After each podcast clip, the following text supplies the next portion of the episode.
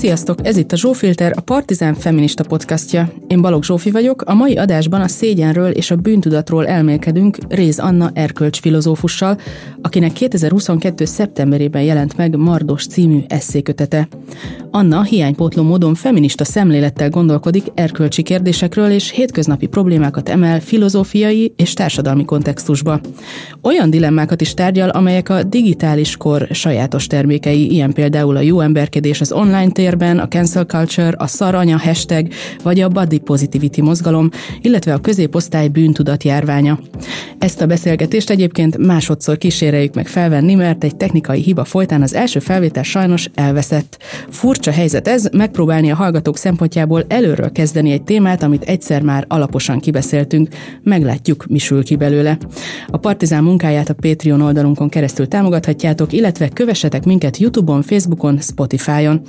Köszönet Lőrinci Áronnak a hangutó munkáért, Kili Zsannának az arculatért, nektek pedig köszi, hogy itt vagytok, kezdünk.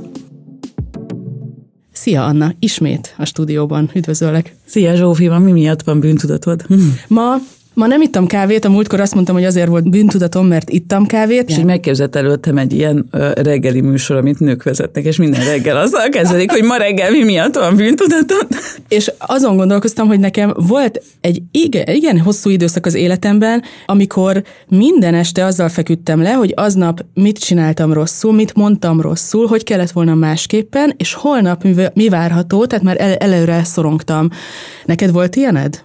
Nagyon. Annyira volt, hogy, hogy nagyon emlékszem, hogy volt egy, egy ilyen nagyon hajszás, de nagyon jó fél évem az egyetemen, és a végén az volt benne a legcsodálatosabb, hogy így letettem a dolgaimat, mert mindenféle dolgaimat, nem csak az egyetemit, és tehát a legpozitívabb jelző, amit a fél évre mondani tudtam, az az, hogy nem csesztem el semmit. Tehát, hogy semmi miatt nem bar, mardos a lelki furdalás, amit ebben a fél évben csináltam. De mi van ezzel? Szerinted ez valami kulturális sajátosság? Mert szerintem az van így a magyar emberben, hogy tényleg azt érzed mindenhol, hogy belépsz a boltba, zavarsz, az étteremben kérsz valamit, elnézést akarsz kérni, hogy élsz. Állandóan úgy érzed, hogy mindjárt rád fognak szólni, vagy hát rád is szólnak sok esetben.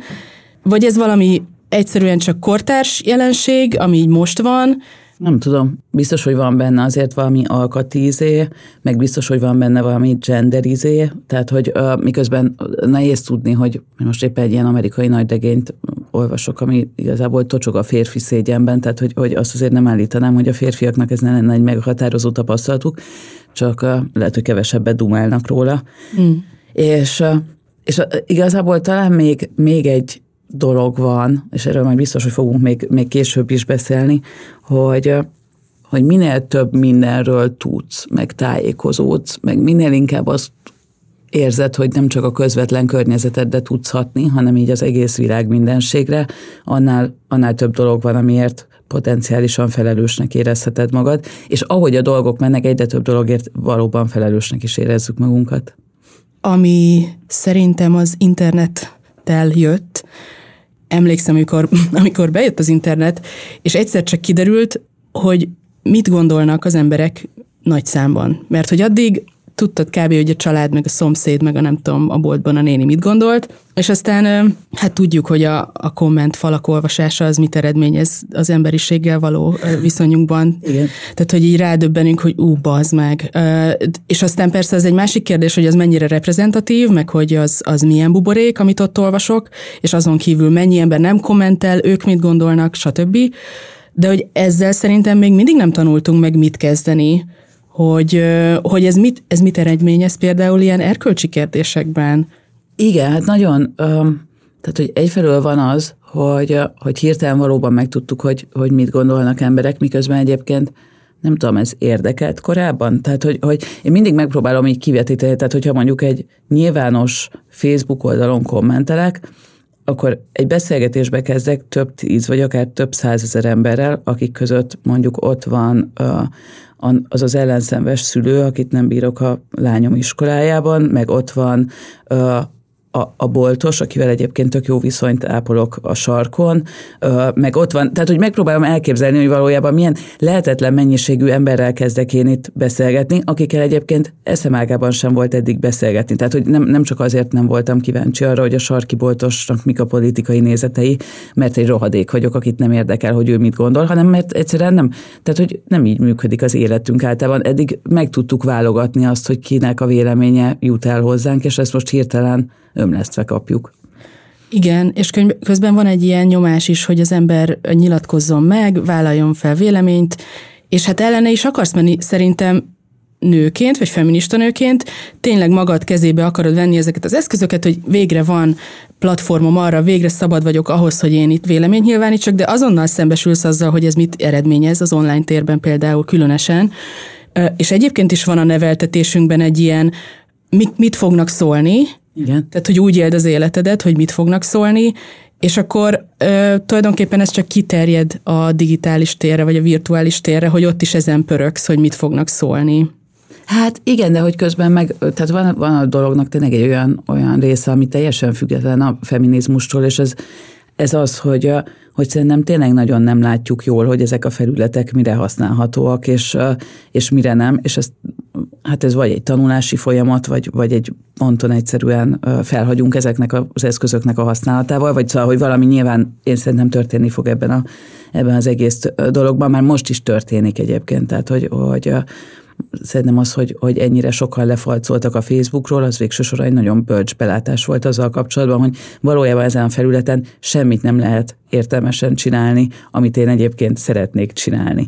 És hogy, és hogy hát ahogy így próbálgatjuk a határainkat, egy csomó mindennel megpróbálkoztunk, például, hogy lehet-e elvi kérdésekről vitát folytatni egy egy ilyen felületen. Szerintem erre azért nagyjából megkaptuk a választ. Ettől még nagyon rá lehet függeni erre a tevékenységre, de aki még mindig azt tudja mondani lelkiismerete, hogy ezek konstruktív jó beszélgetések, amik valamilyen módon a hasznára vannak, akár azoknak, akik részt vesznek benne, akár elvezetnek a hazaüdvéhez. Szóval, hogy nem ők valamit nem, ők látnak valamit akkor, amit én nem láttam meg az elmúlt 10-12 évben.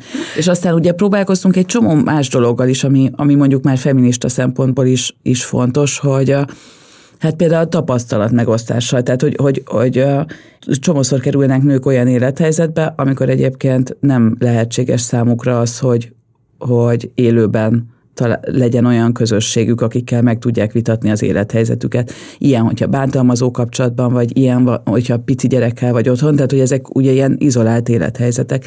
És hogy az elképesztően nagy ötletnek tűnt, hogy milyen fantasztikus, hogy most hirtelen ezeket a nőket össze tudod kötni, és, és viharos gyorsasággal fognak eljutni annak a felismeréséig, hogy nincsenek egyedül, mármint hogy hát fizikálisan továbbra is egyedül vannak, de hogy egyébként az az élethelyzet, amiben belekeveredtek, az nem, hogy nem rendkívüli, hanem hanem, hanem tömegek vannak benne. És ebben szerintem tényleg van potenciál, volt potenciál, és, és van is potenciál. Hát, hogyha valamit meg lehet kérdezni ezen a ponton, az az, hogy hogyan megyünk innen tovább. Tehát, hogy szerintem ez így megtörtént, tehát, hogy megtaláltuk a magunk ventiláló, meg, meg síró helyeit az interneten. A kérdés az az, hogy hogy uh, hogyan tudunk ezzel értemben jobb életet teremteni magunknak, meg másoknak. És van nekem egy feminista dilemmám, amit gondoltam, hogy akkor ide eléd tárok, amivel még szerintem nem kezdett semmit se a feminista közeg, se azok, akik próbálnak erről gondolkodni, hogy mit kezdjünk azzal, és most itt eszembe jutott a MeToo arról, amit beszéltél, amiről beszéltél, tehát hogy nőknek lett felülete lehetősége arra, hogy gyorsan egymásra kapcsolódva megosszák a, a zaklatás eseteket, a, a szexuális bántalmazásról szóló történeteket, szolidaritásra lejjenek, érezzék úgy, hogy nincsenek egyedül, nagyon hasznos, nagyon jó, és aztán a kollektív emlékezet most úgy gondolom túra, hogy az így, ami, ahogy általában a női kezdeményezésekre, meg mozgalmi ö, történésekre szoktak, hogy a, hogy a feministáknak köszönhetjük megint azt, hogy nem tudom, nem lehet bókolni a cégnél. Tehát körülbelül ez így a, és hogy gyakorlatilag a MeToo, mint egy ilyen mint egy ilyen kiragadott valami jelenség szerepel a narratívában, miközben a MeToo önmagában nem egy újdonság, tehát nők voltak botrányos sztorik korábban, amik mondjuk elterjedtek a sajtóban, vagy stb. Nők próbálkoztak kipakolni ezekkel a sztorikkal korábban, csak mondjuk nem kaptak akkor a platformot, tehát az ötlet az nem új, mégis, mint hogyha valami iszonyatos backlash lenne, és hát aztán a, a MeToo-ban szereplő botránytörténeteknél is láthatjuk, hogy azok a férfiak, akik lelettek buktatva, utána visszatérhettek pár évvel később ünnepelt sztárként, azok a nők továbbra is alázva vannak, és még nem tértem rá a dilemmámra, de, de ha erről van gondolatod, még azt, még azt beszéljük át. Hát igen, ott, ú, ez egy akkora téma, és hogy, hogy nagyon nehéz hát ezt a pejoratív backlash külön választani, az szerintem teljesen jogos aggodalmaktól, meg annak a kimondásától, hogy azért a MeToo nem úgy alakult szerintem, ahogy a legtöbben szerettük volna. Tehát, hogy, hogy ugye tényleg ott volt egy, volt egy nagy pillanat, ami, amit egyébként sok férfi ismerősöm azóta is úgy emleget, mint ami neki egy nagy ráeszmélés volt azzal kapcsolatban, hogy, hogy úristen, mi zajlik körülöttem. És aztán valójában a MeToo két felé fordult, egyrészt bement a bulvárba, ezt ugye látjuk, tehát hogy valójában kezdettől fogva mindenkit jobban érdekeltek a, a nagy halaknak a bottány történetei, mint bármi más. Ez azóta még tovább gyűrűzött, teljesen nyilvánvalóan ö, voltak olyan esetek, amik amik politikai eszközé váltak. Voltak olyan esetek, amikor teljes joggal gondolta azt az ember, hogy, hogy valaki még egy 15 perc hírnevet, mármint a nő, vagy az, aki az ügyel előállt, meg egy 15 perc hírnevet ki szeretne préselni általában már a karrierje vége felé azzal, hogy most előáll egy ilyen történettel. Sajnos ezek szerintem bizonyos pontokon teljesen jogos aggályok voltak. Tehát e, ez volt az egyik, és, és ezt is érdemes nagyon külön elemezni, mert már itt is létrejött egy olyan helyzet, ami iszonyatosan nehezen kezelhető, tudnélik, emlékszem, hogy amikor először ezek a történetek elkezdtek jönni szépen egymás után, és hogyha visszaemlékszel, ez nálunk is már a MeToo előtt elkezdődött, tehát hogy az első nagy tényfeltáró anyagok már Magyarországon is ilyen 2014 körül kezdtek el csortogálni, amik különböző hatalmi visszaélésekről, meg, meg szexuális bántalmazásokról szóltak, és az elején uh, még én is azt gondoltam, hogy hát nem olyan nehéz itt oldalt választani, mert hogy annyira kevesen tudják azt, hogy hogyan működik a bántalmazásnak, meg az aklatásnak, meg a hatalmi visszaélésnek a, a hatásmechanizmusa, hogyha előáll egy nő, és lényegében előad egy ilyen tankönyvi történetet arról, hogy mi történt vele, akkor adva azt, hogy mit fog kapni a pofájába, adva adnak a kockázatait, az, hogy ez Magyarországon mennyire nem kecsegtet semmifajta nyereséggel, mi az öreg ördögért ne hinném el neki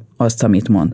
De hát azóta az egész történet változott, tehát hogy hát egyébként pont a MeToo-nak köszönhetően most már azért sokkal-sokkal többen tudják felismerni ezeket a történeteket, mint ahányan korábban megismerték. Ez viszont azt jelenti, hogy egyébként bekamuzni is könnyebb ezeket a történeteket, mint amilyen, amilyen korábban volt. És szép lassan, nem tudom, én elkezdtem retteltesen frusztrált lenni attól, hogy csak jönnek, jönnek, jönnek az ügyek, felém az az elvárás, hogy, hogy higgyek az áldozatnak, és hogy közben, közben ez egy szereptévesztés, tehát hogy, hogy én hogy, tehát hogy azért, tehát ezek mindig konkrét ügyek. A kérdés az az, hogy mi történt két ember között. És a válaszom az, hogy nekem fogalmam sincs, hogy mi történt két ember között, és hogy nem is nagyon tudom elképzelni, hogy hogyan tudnék olyan mélyen belemenni ezeknek a tőlem iszonyú távol lévő embereknek a, az életébe, hogy, hogy én jó szívvel azt tudjam mondani, hogy, hogy szinte biztos vagyok benne, hogy, hogy ez és ez történt. Tehát, hogy, hogy belerakt, nyomtak minket az ítész szerepébe, miközben lényegében az, hogy hogyan ítélsz, az egyébként nem az ügyészeteitől függ, hanem a te ideológiai előzetes megállapításaitól, tehát, hogy ha feminista vagy, higgy az áldozatnak, ha nem hiszel az áldozatnak, akkor már be is vagy tolva az alt lényegében, tehát, hogy nagyjából idáig polarizálódott ez az egész történet, és közben tényleg senkiben nem merült fel az a kérdés, hogy hogyan tehetnénk ezt meg, tehát hogy hogyan tehetné meg jó lelkiismerettel ember azt, hogy, hogy lényegében egy bíró munkáját végezze el az internet előtt ülve. Szóval, hogy, hogy ebben az ügyben én itt, itt látok egy nagyon komoly ö, történet, ö, nagyon komoly problémagócot, ami, ami szerintem nagyon sok többé-kevésbé jogos ellenérzést váltott ki azokból, akik azt mondták, hogy nem, nem használhatjuk a közösségi médiát rögtön bíróságnak, mert hogy egyszerűen nem műfailag nem, nem, nem adekvát. Ö, és akkor a másik szála meg a MeToo történetnek az meg ugye az intézményesülés volt, tehát hogy hogyan lehet ezt elkerülni, érzékenyítő tréningekkel, újabb és újabb etikai bizottságok és etikai kódexek létrehozásával, különböző MeToo biztosok, vagy tehát, hogy ennek megfelelő pozíció kialakításával, stb. stb.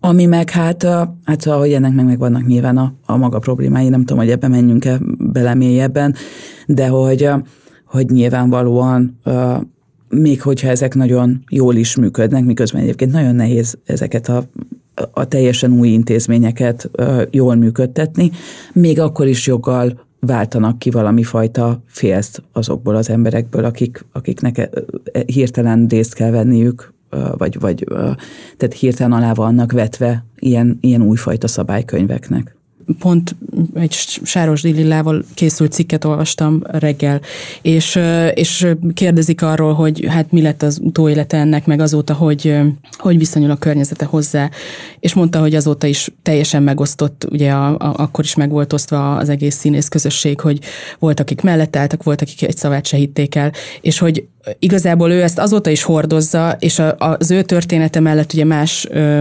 történetek is voltak, amik alátámasztották, hogy a Marton László egy teljes creep volt. Igen. Ö, és aztán visszatért rendezni meg, stb. És hogy tulajdonképpen én azt látom, hogy sok minden nem változott.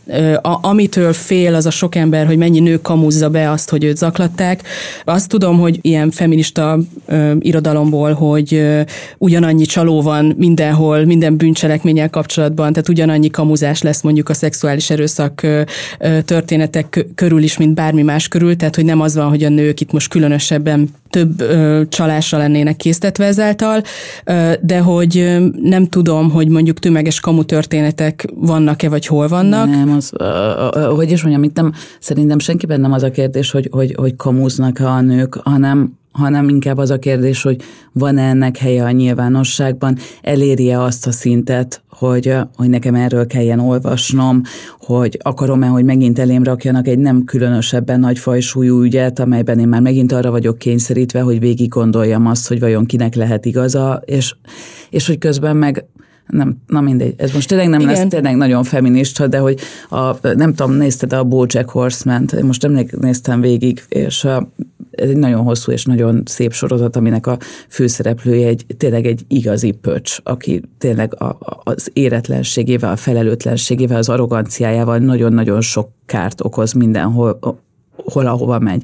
És a, a történet kifutása az egy ilyen nagy MeToo történet, és a középpontjában egy színész, és egy már kiöregetett színész, és a, a, tehát a finálé középpontjában egy interjú van, amiben felhánytorgatják neki mindazt, amit tett. És hát egy ilyen, tehát nézel hat éven keresztül egy figurát, akit a, akivel kapcsolatban nagyon ambivalens érzelmeid vannak, és hirtelen eléd áll egy teljesen hihető történet egy egy predátorról, tehát hogy egy ilyen tankönyvi visszaélőről, aki tényleg ott, ott rúg bele a nőkbe, ahol, ahol éri őket, és nézőként az egyetlen benyomásod az az, hogy igen, de ez nem így van. Tehát, hogy én végignéztem ezt a hat évadot, és hogy, és hogy hmm. valamilyen értelemmel a történet ennél bonyolultabb, és most na mindegy, nem tudom, hogy mennyire elegáns move tőlem egy fiktív sorozatra hivatkozni, de hogy, hogy amikor az ember azt gondolja, hogy a történetek többek, mint amit a média eléjük tár, akkor ebben mindig igazuk van. És hogyha emiatt éreznek valami fajta berzenkedést attól, hogy nagyon harcosan véleményt nyilvánítsanak, akkor ez valamelyest jogos lesz. Ez biztos, hogy egy nagyon fontos pont, és akkor még mélyebbre megyek egy konkrét ö, ö, élő példával. Ö, imádtam a Louis C.K. stand-upját, a humorát, az előadásait, mindent, és hát kiderült róla, hogy egy, ö, egy szexuális predátor, veri a farkát a nők előtt, stb. És akkor oké, okay, őt, őt ugye tényleg a cancel culture ott működött, kitörölték a, a, az egész popkultúrából, stb. És most hallgattam nemrég a Joe Rogent hallgatok, mert ez is önmagában egyébként bizonyos körökben szégyennel társul, hogy hogy képzelem, mindegy, és és láttam, hogy ő behívták vendégnek, és ott, ott van a neve, hogy ott az epizód vele.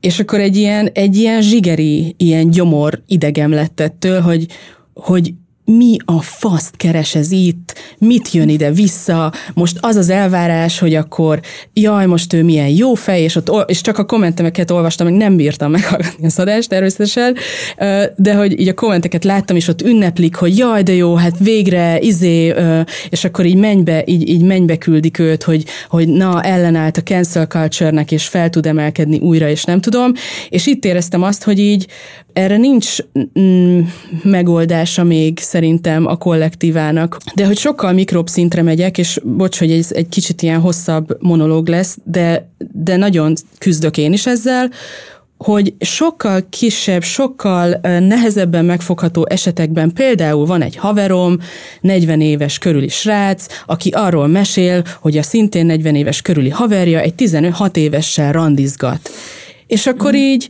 ő ezen így röhög, ez milyen kurva vicces, én ott ö, ö, hány ingert kapok, és próbálom mondani, hogy ez mennyire kurvára nem vicces, ö, ö, és aztán ö, ő egyáltalán nem érti, hogy nekem mi bajom van, de hát ezer ilyen férfi haverom volt, aki szerint, nem tudom, ö, tinikre rákattani, ez tök oké, okay, meg ez nincs semmi baj, és akkor az marad meg ebből az egészből, hogy igazából ezen én kattogok a legtöbbet, ők egyáltalán nem kattognak rajta, egyáltalán nem értik, hogy a feministák, vagy én, vagy bárki ezen mit kattog, még akkor is, hogyha mondjuk törvénybe ütközik a dolog, vagy alaphangon csak kurva gáz. És hogy valahogy ez a kurva sok tudatosítás, meg, meg awareness raising, meg nem tudom, ez még mindig nem tudott mit kezdeni ezzel, hogy úgy alapvetően érezzük-e azt, hogy a nőkkel kapcsolatos ilyen visszaélések, meg para szituációk, azok, azok miért gázok, miért rosszak? Hát igen, erre kezdettől nem volt azért olyan őrületesen nagy, nagy hangsúly fektetve ebben az egész történetben, de hogy, de hogy szerintem azért, szóval nem tudom, ugye iszonyúan a, küzdök én is ezzel az egész témával, mert hogy mégis hogyan változtathatnánk meg helytelen normákat, mint például, hogy felnő, tehát hogy középkorú férfiak úgy gondolják, hogy oké, okay, oké okay, randizgatni tinédzserekkel, ha ha nem úgy, hogy szólunk, meg nem úgy, hogy cseszegetjük őket. Tehát, hogy, hogy, tehát, hogy mégis milyen más út vezet, milyen más út vezetne a, a, a változáshoz. Egyébként azért tegyük hozzá, hogy ezt mennyivel nehezebb élőben megtenni. Tehát, hogy mennyire fel kell neked szívnod magad, hogy azt mondd, hogy te figyelj, ez így, ez így szerintem tök para. Tehát, hogy, és hogy mennyivel könnyebb mindezt megtenni a neten, de hogy közben pont ezért meg az egész iszonyatosan pontatlan lesz, nagyon könnyen lehet, hogy valaki olyanba mászunk bele, akivel nem így kéne, vagy nem akkor, vagy nem. Szóval, hogy, hogy tehát, hogy, hogy a, a, a neten rettetesen könnyű, rettetesen elszerűnek lenni, és, és közben közben nagyon pontatlanul célzunk ez az egész történettel, és nagyon és képzelhető, hogy, hogy nagyon rosszul értjük meg azt, ami, ami ott valójában történik. De hogy egyébként csak, hogy elmeséljek egy hasonló történetet, mert is van egy ismerősöm, aki most már közel az 50-hez nem hát így 25 fölé nem, nem megy soha csajokkal kapcsolatban, és akkor, amikor most hosszú idő után beszélgettünk, és mesélt, hogy megint van egy 23 éves barátnő, és akkor egy kicsit elkerekedett a szemem, hogy hát, mm-hmm.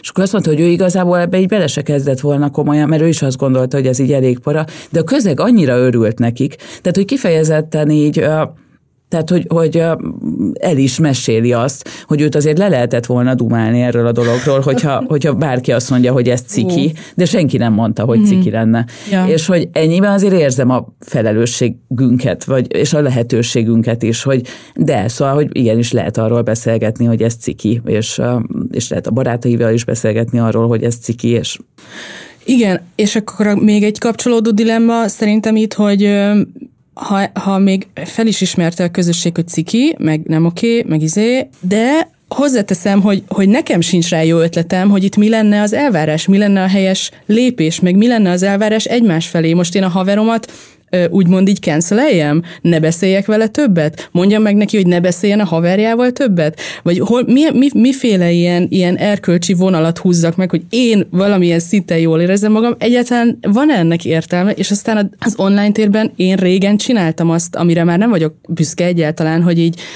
így csak így töröltem embereket, meg blokkoltam, meg izé, meg így leírtam, hogy jó, elkövetett egy hibát ne, valamelyik kommentben, és az az én elvrendszeremben mm. olyan szinten nem ment neki szembe, hogy aztán ja, nincs bocsánat soha többé, és az jó pár éve, tehát hál' Istennek így kigyógyultam ebből, de teljesen úgy éreztem, hogy hát én az igazság oldalán állok, mm.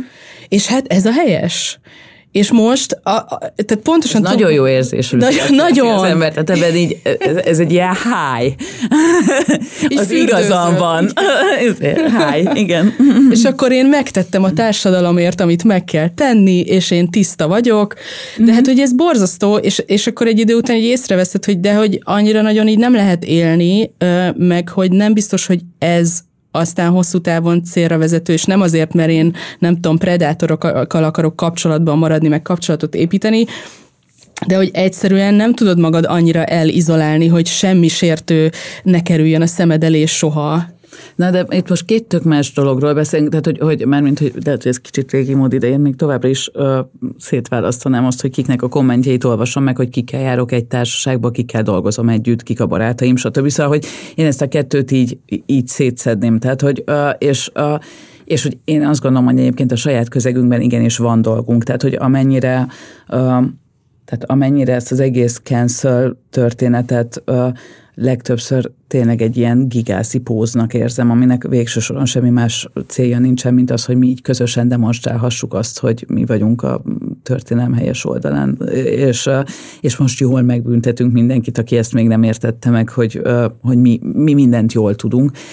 De hogy, hogy ezzel szemben én azt hiszem, hogy igenis szigorúbbnak kéne lennünk a saját környezetünkkel, úgyhogy ugyanis ott sokkal könnyebben tudnánk elérni hatást, és sokkal pontosabb hatást tudnánk elérni, ugyanis ezeket az emberek embereket ismerjük, a védkeiket is, azt is egyébként, hogy mi bennük a jó vagy vonzó, ismerjük a közeget, ki tudjuk találni, hogy mi hat, és ez, ez ugyan sokkal érzékenyebb, meg sokkal nehezebb dolog, de ha valaminek, akkor szerintem ennek van értelme. Tehát, hogy, hogy én most már, tehát az utóbbi időben most már elég markánsan szoktam jelezni, hogyha, tehát akkor is, hogyha ez kifejezetten kellemetlen, hogyha például olyan társaságba kerülök, ilyen nagyobb társaságba, ahol van valaki, akit ilyen szempontból vállalhatatlannak tartok. Tehát, hogy ezt így általában neki szoktam elmondani, vagy annyira felhangon, hogy ő is meghallja. Tehát, hogy, hogy tehát én a, a real life cancelelést, hanem is gyakran, mert hála Istennek azért ilyen igazán elvetemült alak viszonylag kevés van körülöttem, de hogy ezt, ezt így néha megszoktam tenni, mert hogy, hogy egész egyszerűen azt gondolom, hogy ténylegesen az, ha valakit beengedek a személyes tereimbe, a szoros munkakapcsolataimba, nem tudom micsoda, az tényleg validálás, és nekem tényleg az a dolgom, hogy hogy, hogy a saját környezetemet tartsam ilyen értelemben tisztán. Bárcsak ilyen jó lennék ebben én is, online sokkal könnyebben ment. real, real time-ban ez tényleg egy egész, egészen nagy, hát így nem tudom, asszertivitás és minden egyében kívül tényleg azt is igényli, hogy hát felméred egy pillanat alatt, hogy ez mit fog rád irányítani mondjuk a mhm. saját közegettől, mert hogy számíthatsz arra, hogy, hogy, hogy nem szeretik az embereket, akik így szart felkavarnak. Már most olyan szart, hogy Tudom, ami igen. tényleg valódi szart. Ez tényleg nagyon nehéz, és egyébként ilyenkor látod azt, hogy tényleg mennyire minden mennyire álságos. Tehát, hogyha, hogyha én úgy elméletben mondom azt, hogy nem, nem tudom, legalább meghívni nem szeretnék közös projektekbe olyan embereket, akikről pontosan tudom, tehát hogy nem tudom hány történetet hallottam az évtizedek alatt arról, hogy náluk radikálisan fiatalabb lányokat próbáltak felszedni mindenféle hatalmi pozícióból. Mindenki azt mondja, hogy oké. Okay. De amint kimondom a nevet, hogy emiatt kit nem fogok elhívni soha többet, akkor azt mondják, hogy ja, hmm, de hát nem volt bírósági ítélet. Meg nem tudom, tehát, hogy hirtelen hallgathatom ezeket a baromságokat, tehát hogy érdekes módon, tehát hogy még elfszinten talán beveszi a gyomruk, de amikor kiderül, hogy ez ténylegesen azt jelenti, hogy én bizonyos emberekkel nem vagyok hajlandó közösködni, akkor hát akkor jön a, a doktrinárség vágya. Kanyarodjunk rá a az úgynevezett világbűntudatra, mert az nagyon tetszett a könyvedben az a rész, és megint kiemelném a DMS sztorit, hogy a, a menstruációdba bele fog halni a föld, vagy valami ilyesmi volt a mondat. Én ma pont menstruálok, úgyhogy nagyon átérzem, és arról szól a történet, csak hogy a hallgatók is értsék, hogy, hogy Anna leír egy, egy jelenetet, ahogy a DM-ben menstruációs termékeket válogat, és hogy mennyiféle gondolat társul a különböző választásokhoz, tehát hogy melyik termék hogy ö, káros a földre, mennyi, nem tudom, káros anyag kibocsátással jár, mennyi szeméttel, és egyébként a testünkre is melyik hogyan káros, és hát ez tényleg így, így hátul zakatol így a fejünkben, és akkor most a menstruációtól elindulhatunk, és aztán bármi. Tehát, hogy én éreztem már rosszul magam, hogy nem szelektálom a szemetet, nem úgy szelektálom, elindulok a lakásomból, nem adok a hajléktalannak, de szarember vagyok, autóba ültem egyedül, de szarember vagyok, és ez így egész nap így megy. Uh, igen, ez, ez állandóan megy. Egyébként én azt hiszem, hogy azért választottam a, a menstruációt például, mert azt gondoltam, hogy ez már így kellően groteszk ahhoz, hogy az ember végig gondolja azt, hogy miben élünk. Tehát, hogyha az erkölcsi kérdés, hogy én mivel itatom fel a menstruációs véremet a saját altestemen, akkor, akkor ugye ebből teljesen nyilvánvalóan következik, hogy minden erkölcsi kérdés. Tehát, és, hogy, és hogy valójában valóban ezt látjuk, hogy, hogy minden erkölcsi uh, kérdés, és hát ott ebben a fejezetben foglalkozom valamennyit az, a, az az etikai elmélettel, ami így lehetővé teszi, hogy az egész világot ilyen uh, erkölcsi dilemmák sorozatává változtathassuk. Uh, úgyhogy ez, a, ez ugye az, amit utilitarizmusnak nevezek, és ami egyébként egy nagyon jóra való és nagyon helyes etikai elmélet volt még a 18. század végén, 19. század elején. Pofon egyszerű az egész, tehát hogy akkor cselekszel helyesen, hogyha minden ember számára a legtöbb jót és a legkevesebb rosszat hozod létre, és ez a jó meg a rossz az általában fájdalomban meg élvezetben mérődik ezen az elméleten belül. És és eddig ez ugye elképesztően szuperül hangzik, de ugye ebből az következik, hogy folyamatosan azt kell mérlegelned, hogy a cselekedeteidnek mik lesznek a következményei, tehát hogy önmagában a cselekedet nem is értékelhető csak azzal együtt, hogy, hogy milyen dolgokat hoz létre. És, és hát ugye egy olyan világban, ami ahol hát visszatérve a tamponokra, azt se tudjuk, hogy ez a cucc hol készül, azt se tudjuk, hogy ki hogy ki az a cég, amelyik profitálni tud belőle. Azt se tudjuk, hogy azt most hol fogják ledobni, egy, ásnak neki egy gödröt, De hát vagy egy a rendes progresszív vagy a... utána nézennek. Egy rendes progresszív utána néz, és hát igen, tehát, hogy na hát itt van, igen, itt jön a trükk, mert hogy még egy dolog segíthetne rajtunk, ugyebár a tudatlanság. Tehát, hogyha van valami, ami ugye klasszikusan felment minket a felelősség alól, az az, hogyha nem tudtuk. Tehát, hogy ezért van az, hogy környezetszennyező életmódjuk miatt kevesebbet cseszegetjük visszamenőleg azokat, akik az 50-es években voltak felnőttek, mint azok, akik most felnőttek, mert hát szegények ugye nem tudhatták. Pontosan ezért az összes létező hír outlet gondoskodik róla, hogy mindent tudjunk, tehát, mert hogy onnantól kezdve viszont, tehát ez a, ez a mentség, ez, ez, ez többé már, már nincsen érvényben. Ellenben a döntés az semmivel nem válik egyébként egyszerűbbé, mert hogy valami képtelenül bonyolult matematikai feladatot kéne elvégezned, de hogy igazából most túl azon, hogy ez retteltesen nagyon komplikált, amin hosszan értszelődöm az, az említett szövegben, szerintem nagyon abszurd is. Tehát, hogy, nem, tehát, hogy, hogy a menstruációm nem erkölcsi kérdés. Tehát, és, Hadd ne legyen. Igen, igen, igen, tehát, hogy ehhez így, ehhez így akarnék fogal körömmel. De hogy az a baj, hogy onnantól kezdve, hogy egyszer csak már elkezdesz ebben a mindsetben gondolkodni, hogy mi, kire hat, honnan jön, hogy gyártották, hova kerül, stb. stb. stb. onnantól kezdve már nem, nem tudod visszacsinálni ezt az egész történetet, és hogy, hogy ez most valójában korunknak a meghatározó etikai gondolkodás módja. Tehát, hogy jó vagy rossz, amit csinálok, hát nézzük meg, hogy milyen következményekkel jár, a statisztikákat, a hatásvizsgálatokat, a nem tudom micsodákat, és akkor, akkor majd jól kiderül.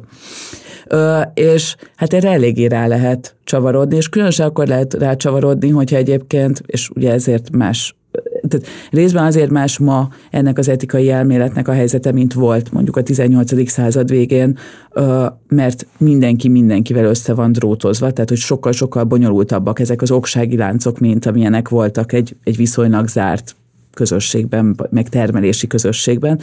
De más a helyzet azért is, mert mert mindez az etikához járul egy ilyen konstans világvége szorongás azzal kapcsolatban, hogy minden rettenetesen nagyon-nagyon-nagyon rossz irányba megy, és hogy valójában mindennel, amit teszek, ugye a minden az már eleve beleesik, a, tehát hogy minden, amit teszek, az, az erkölcsileg értékelhető, és lényegében minden, amit teszek, azzal egy nagyon-nagyon icike-picike mértékben hozzájárulok a közelgő világ végéhez. Tehát, hogy ez, ez, ez most a progresszív alaphelyzet végül is, ahonnan elindulunk. Pedig, amikor én megismerkedtem a rendszerkritikus szemlélettel, akkor pont az volt az üdítő benne, hogy felism, igen, felismerjük a rendszer szintű problémákat, de az egyént nem baszogatjuk. Tehát, hogy feminista alaptétel is volt az, hogy, hogy nem, nem a, nem tudom, ö, pláza cicára vagyok mérges, hogy miért, nem tudom, olyan a körme, meg a haja, meg izé, meg hogy így alapvetően engem ez nem is érdekel, csak felismerem azt a társadalmi jelenséget, hogy mik vezetnek ahhoz, hogy nők mindenféle szépségipari termékkel össze-vissza változtassák magukat, hogy valaminek megfeleljenek. De hogy ez nem egy ilyen egyéni értékítélet, uh-huh. viszont mára tényleg azt érzem, hogy már társadalmi jelenségekre se lehet rámutatni anélkül, hogy meg legyél vádolva, hogy te mit, hogyan, mi felett ítél, vagy ki felett ítélkezel, és emberek személyes értésnek veszik azt, hogyha az őket érintő társadalmi jelenségről beszélsz, és hát itt nem tudom, én a legtöbb ilyen sarat például a transzkérdés kapcsán kaptam, hiába a jelen jelenségekről beszélek, az a vált, hogy én személyesen hozzájárulok a, nem tudom, transzemberek halálához, de hogy így nem túlzok. És ja. hogy nem tudom, hogy, hogy hogy jutottunk ideig, tehát hogy tényleg magukat rendszerkritikusnak gondoló emberek nagyon egyéni szintre, nagyon személyeskedően ö, ö, oldják meg ezeket a beszélgetéseket, és a lényegről nem beszélünk, vagy nem tudom, és amit mondasz, hogy hogy minden egyes vásárlásunknál át kell gondolni azt, hogy hogyan mérgezzük a bolygót, és tesz hozzá a világ végéhez. És én itt, amikor ezt felismertem magamban, hogy már tényleg minden percem azzal telik, hogy bűntudatom van az egész világ miatt, egy személyben nekem, és a barátaim is ugyanezt csinálják, akkor rájöttem, hogy én így egyrészt nem akarok élni, és nem tudok élni, és elkezdtem megengedni magamnak, hogy elkövessem ezeket a borzasztó hibákat, mm. hogy nem szelektálom rendesen a szem, szemetet, és ezzel a tudattal Jaj. fogok élni, meg hogy autót használok, meg ilyenek. Közben, tehát, hogy, hogy ugye ez is nagyon voltak, és én sem tudom egyébként, hogy hol van a, a kiárat így elvisz szinten ebbe az utilitarista gondolkodásba, hogy ugye minden, amit ezzel szembe tudsz szegezni, az mint hogyha puszta önzés lenne. De hogy szerintem az, hogy hogy emberek így szeretnének anélkül létezni, hogy ezt a fajta méricskélést kéne minden percben csinálniuk, az nem, az nem önzés. Tehát, hogy hanem az, az, az egész egyszerűen csak valami minimálisan szabad, minimálisan spontán, minimálisan autentikus létezés iránti igény, amit egész, amiről egészen eddig azt gondoltuk, hogy, hogy ez minden embernek kijár, vagy kijárna, még ha nem is kapja meg ténylegesen. És most, mint hogyha ezt akarnánk elvenni egymástól, ezzel a, a saját magunk, meg, meg mások folyamatos kontrollálásával, cseszegetésével, a számonkérésével. És amit megmondasz, az tényleg rohadtul érdekes, mert hogy tehát, hogy én annyiban azért nem vagyok szuper rendszerkritikus, hogy én szerintem például egy pláza cicán egészen nyugodtan ö, számon lehet kérni azt, hogy na. Tehát, hogy hát vagy nem, számon kérni nem nagyon érdemes, de hogy így beszélgetni vele, vagy szóval, hogy, hogy úgy egyáltalán feltenni azt a kérdést, hogy, hogy, hogy ez az élet, amit ő él, ez így milyen értékekre épül, és, hogy, és mondhatom azt, hogy én ezekkel tényleg nagyon-nagyon mélyen nem értek egyet. Tehát, hogy szerintem ez, ez jelenti egymást felnőttnek tekinteni, és én ezt mondjuk a feminizmuson fontos részének tekintem. Tehát, hogy egyáltalán nem arról van szó, hogy én bármilyen módon a, az egyéni felelősséget ki akarnám szerelni ebből az egészből, de ez a gyors kapcsolás, hogy történt valami rossz a világban, az én hibám, ez valami egészen abszurd valójában. Tehát, hogy, hogy, tehát, hogy valójában furcsább az, hogy egyáltalán hogy juthat eszünkbe az, hogy így van, mint az ellenkezője. És ez nem csak a középosztálynak a játéka? Tehát, hogy ugye az, az tuti, hogy van, hogy hát az elitre úgy gondolunk, hogy ők, ők leszarják, ők úgy eleve bűnösök, tök mindegy, ők nem kattognak ezen, vélhetően.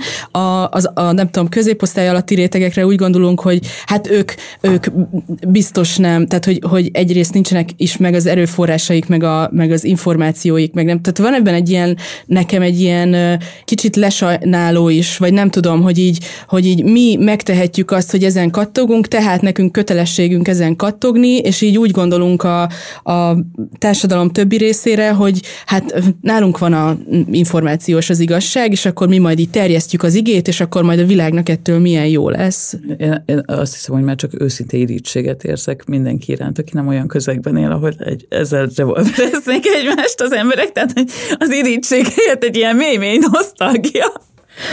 Vagy a lenézésért egy ilyen mély nosztalgia munkál bennem, hogyha még vannak ilyen intakt részei a társadalmunknak, akkor drukkolok nekik, hogy, hogy így is maradhassanak, de tényleg őszintén. De hogy igen, tehát hogy kétségtelen, hogy van ennek egy, van ennek egy ilyen rétegzettsége, és hát ez nagyon valójában a, a a Martosban, vagy szóval, hogy csak egy picit mondjak arról valamit, hogy ez hogy kötődik ehhez az egészhez. Én ugye azt, tehát tényleg a bűntudatról, meg a szégyenről írtam egy könyvet, de most, amikor így, nem tudom, néha beleolvasok, vagy így átgondolom, akkor, akkor tényleg rájövök arra, hogy azt hiszem, hogy legalább olyan fontos kérdés volt benne, vagy ilyen visszatérő téma az, hogy különösen az online világban hogyan válunk pózokká.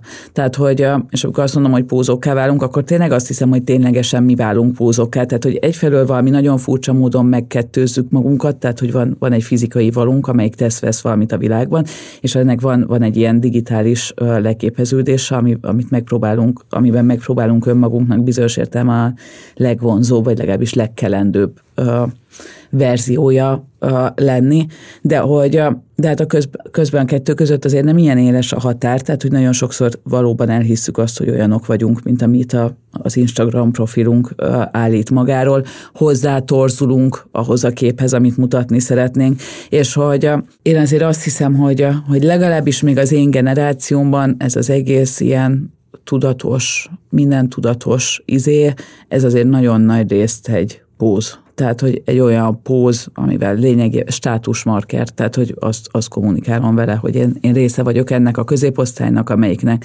van ideje utána olvasni, és amelyiknek van legalább valamennyi anyagi mozgástere arra, hogy, hogy ennek megfelelő döntéseket hozzon. Ugye elsősorban a fogyasztás terén, amit tényleg, tehát hogy ezt, ezt szerintem nem, nem lehet eléggé hangsúlyozni, hogy mennyire retteltesen bizarr, hogy egy olyan problémát, amit alapvetően a fogyasztással kapcsolatos attitűdjeink hoztak létre, most újabb fogyasztásokkal próbálunk meg valahogy visszacsinálni, tehát hogy, hogy az egészben tényleg van, van valami nagyon-nagyon bizarr, amit, amit most művelünk. Én azt gondolom, hogy a mostani 30-as, 40-eseknél ezek azért inkább pózok, mint, mint nem. Tehát, hogy az együvé tartozásunknak ezek a kifejeződései, tehát, hogy nagyon röviden első még csak nem is az akármilyen középosztály, hanem az a fajta középosztály, amelyik valamilyen módon ilyen intellektuális presztízsre, vagy, vagy értelmiségi rangra tart számot, tehát hogy, hogy ott pörög ez retteltesen.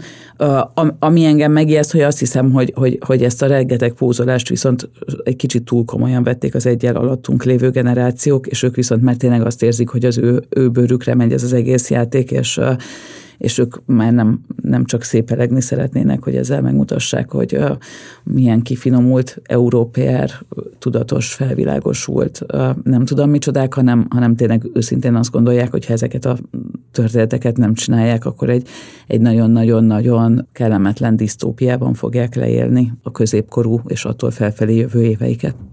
Igen, van valami ijesztő abban, tényleg az a narratíva, hogy mindjárt itt a világ, világ vége, tehát hogy a, a nem tudom hány évünk van hátra, hogy visszafordítsuk a, a jégsapkák olvadását, vagy azt már talán nem is tudjuk, nem tudom, meg a, a felmelegedés, stb. És tényleg ez szerint élnek most már ö, egész generációk, hogy minden egyes erőfeszítésünk ebbe kell, hogy belemenjen hogy ezt megállítsuk, aminek tökre van egy jogos alapja, hogy itt kurva nagy gondok vannak a világban, de van benne valami ilyen, ilyen bizarr, apokaliptikus, szintevallási izé, és a könyvedben is nagyon jól össze van ez kötve, hogy ez a már, már bűnös ez az egész dolog, amiben vagyunk, és egy ilyen eredendő bűnszaga van, hogy ebből már nem lehet jól kijönni, úgyhogy csak próbáljunk meg valahogy, nem tudom, még tenni azért, hogy ugye ami, ami furcsa ebben az egész, és nekem erre tényleg nincs egy jó válasz, én semmilyen módon nem szeretném bagatelizálni azt, hogy mekkora bajban vagyunk, vagy, vagy ilyesmi, de hogy de hogy valójában én tényleg nem látom, hogy azok, akik tényleg tényleg ennyire erősen benne vannak ebben az egész klímaszorongásban, ők egyébként mit, miben különböznek azoktól, akik a bunkereket építik. Tehát, hogy, hogy, mert hogy valójában már a kiinduló pont az ugyanaz, hogy ez most már valójában egy túl vagyunk rajta, ezt elcsesztük. Tehát, hogy, hogy És akkor a kérdés az tényleg az, hogy erre most még milyen válasz adható, de hogy közben meg azt hiszem, hogy azért senki nem gondolta, tudja azt gondolni, hogy már elcsesztük, mert minden változás dacára azért ez a környezet, amiben élünk, még mindig eléggé emlékeztet arra a környezetre, amiben tíz éve éltünk. Szóval, hogy az egész attól szorongató, hogy hogy egyszerűen jön a világ vége, és nem történik semmi. Tehát Feltetőleg, hogyha tényleg jönne a világ vége, akkor egy teljesen más működésmódra kapcsolnánk át, ami sok szempontból kegyetlenebb lenne, és, és nem kívánom az égat egy világon senkinek, de hogy valószínűleg ott, ott tényleges válaszok születnének, meg tényleges cselekvések. Egy kicsit egyébként én ugyanezt éreztem akkor, amikor a Covid lezárások alatt csesztették egymást az emberek, hogy feltetőleg, hogyha itt tényleg tömegeknek lenne halálfélelme, akkor máshogyan viselkednének. Tehát, hogyha itt mindenki félne félne az eljövendő Covid haláltól, akkor feltehetőleg nem vitatkoznánk sokat azon, hogy küldjük-e a gyerekeinket iskolába. Tehát, hogy teljesen nyilvánvaló, hogy nem, tehát, hogy, hogy itt nincs egy olyan, olyan típusú veszélyérzet. Egyébként, tehát, hogy most ebbe tényleg nem szeretnék belemenni, de hogy, hogy egyébként pontosan ugyanaz a középosztálybeli értelmiségi közeg volt abban az ügyben is az, aki úgy gondolta, hogy neki most csendőrködnie kell minden ember lelkiismerete felett az országban. Tehát, hogy, hogy egyébként mi, tehát ugyanazt a, ugyanazt a viselkedési módot látjuk működésben a legkülönbözőbb témákban. Tényleg a Covid az egy eszméletlen érdekes ilyen erkölcsi játék volt, meg én teljesen megkattantam akkor, tehát hogy én, én vállalom, én teljesen megmentem, borzasztóan ítélkeztem, a családom ö, jó része ö, nem, nem csinálja az oltást, meg nem, nem akart maszkot hordani, meg nem tudom, és teljesen felsőbbrendűnek éreztem magam, hogy pedig én tudom, és ti nem vagytok felelősek a társaitokért, és izébizé, és hát ö, teljesen leszarták ezt az irányba, hála Istennek, tehát hogy nem ment rá a kapcsolatunk, de hogy, hogy azért sok embernek ráment, és, és azért nekem is voltak pillanatok, amikor éreztem, hogy na, itt most tényleg olyan mértékű hülyeségek vannak, mert azért voltak ott ilyen konteó irányok is, amik, amik, amik már tényleg minden jó indulatommal, meg szeretetemmel már nem akartam Igen. menni, de hogy, fe, tehát éreztem azt is, hogy, hogy felőlük is az ő szemszögükből nézve én teljesen meg vagyok őrülve, és most nem csak arról beszélek, hogy nem tudom, felelősen akartam maszkot hordani, de hogy én tényleg bekattantam olyan szempontból, hogy elhittem, hogy ez a világ vége lesz, mm. és most aztán minden úgy megváltozik holnaptól, hogy kész vége. Üm, és hál' Istennek nem így lett, és nagyon sok mindent azóta átértékeltem, de ott, ott tényleg azért úgy kollektívan elég erőteljesen meg lehetett figyelni, hogy emberek hova hova húznak, hova pörögtek, meg szerintem nagyon felgyorsított ilyen nem is tudom, csoportdinamikákat, tehát ott családokban, meg közösségekben, meg stb. És amire rá Mint, hogy vállások, meg... Vagy... Igen, meg, meg, meg egymás, az egymásról való ítélkezés, hogy akkor én most innentől kezdve hogy fogok rád gondolni, Aha, tehát marad, igen. ilyen fennmaradó erkölcsi, meg uh, ítélethozatalok szerintem. Uh-huh, uh-huh. Nehéz eldönteni, hogy az izoláltság, vagy pedig ez a, ez a fajta megosztottság az, ami végül többet bomlasztott így az emberi kapcsolatokon, tehát hogy, tehát, hogy a tényleges elválasztottság, vagy pedig az, hogy ezeket a nagyon-nagyon-nagyon hülye játékokat játszottuk egymással, az, az az ártott többet. Nekem nagyon, tehát hogy én, mint a, aki a másik oldalon voltam, tehát aki a csesztetést kapta azzal kapcsolatban, hogy nem vagyok felelős, hanem eleme egy nagymama gyilkos vagyok, tehát hogy ö, nekem aztán még egy darabig el fog tartani, még megbocsájtok azoknak, akiktől ezt kaptam. Tehát, hogy ö, igen, el, tehát hogy abszolút megértem, meg el tudom képzelni. Tényleg borzasztó dolgokat hozott ki mindenféle irányból, emberekből.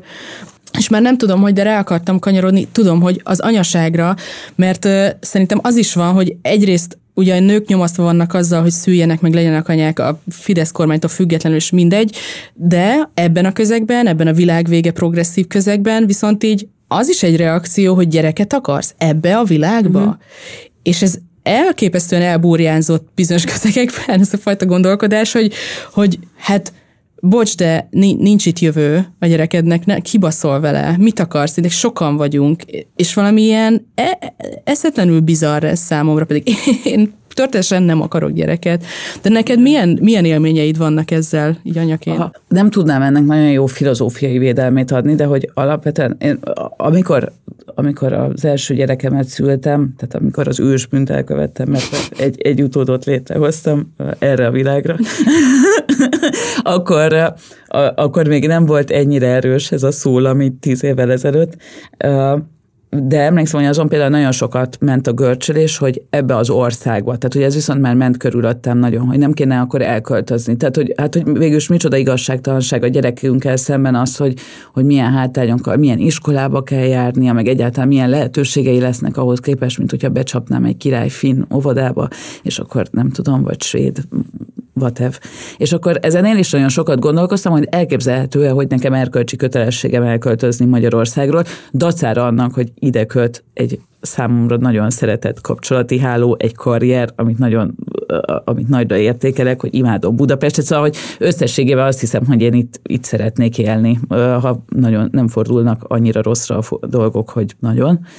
És aztán arra jutottam, hogy ez, ezt egyszerűen így kiveszem az erkölcsi mérlegelés köréből. Tehát a gyerekem csak a azért... Menstruációddal együtt. Igen, igen. Hát alapvetően igen, az én nagy projektem, így erkölcs filozófusként az, hogy minél több dolgot kipakoljak az erkölcs territóriumából. Ennek van egyfajta intellektuális hagyománya egyébként, amelyet fel tudok hozni védelmemben, ettől még egy picit bizarr projekt, ezt belátom. Mindenesetre, tehát nem azt gondoltam végig, hogy, hogy tehát a gyerekem csak azért létezhet, mert én úgy döntöttem, hogy ő létezhet. Tehát hogy, tehát, hogy egyébként ő nem lenne. És hogy innentől kezdve az, hogy az ő szüleik hol akarják hol képzelik el az életüket. Most nem az, hogy minden, minden egyes porcikájában, hogy képzelem el az életemet, de hogy alapvetően milyen helyen, meg hogyha van hivatásom, akkor milyen hivatás mellett, meg nem tudom micsoda. Ez, ez valami olyasmi, ami nekik ez nem, nem valami, amin változtathatnak, hanem ezek így a, ezek a peremfeltételei annak, hogy ők egyáltalán vannak. Tehát, hogy egész egyszerűen nem, ilyen dolgokról nem, nem vagyok hajlandó beszélgetni.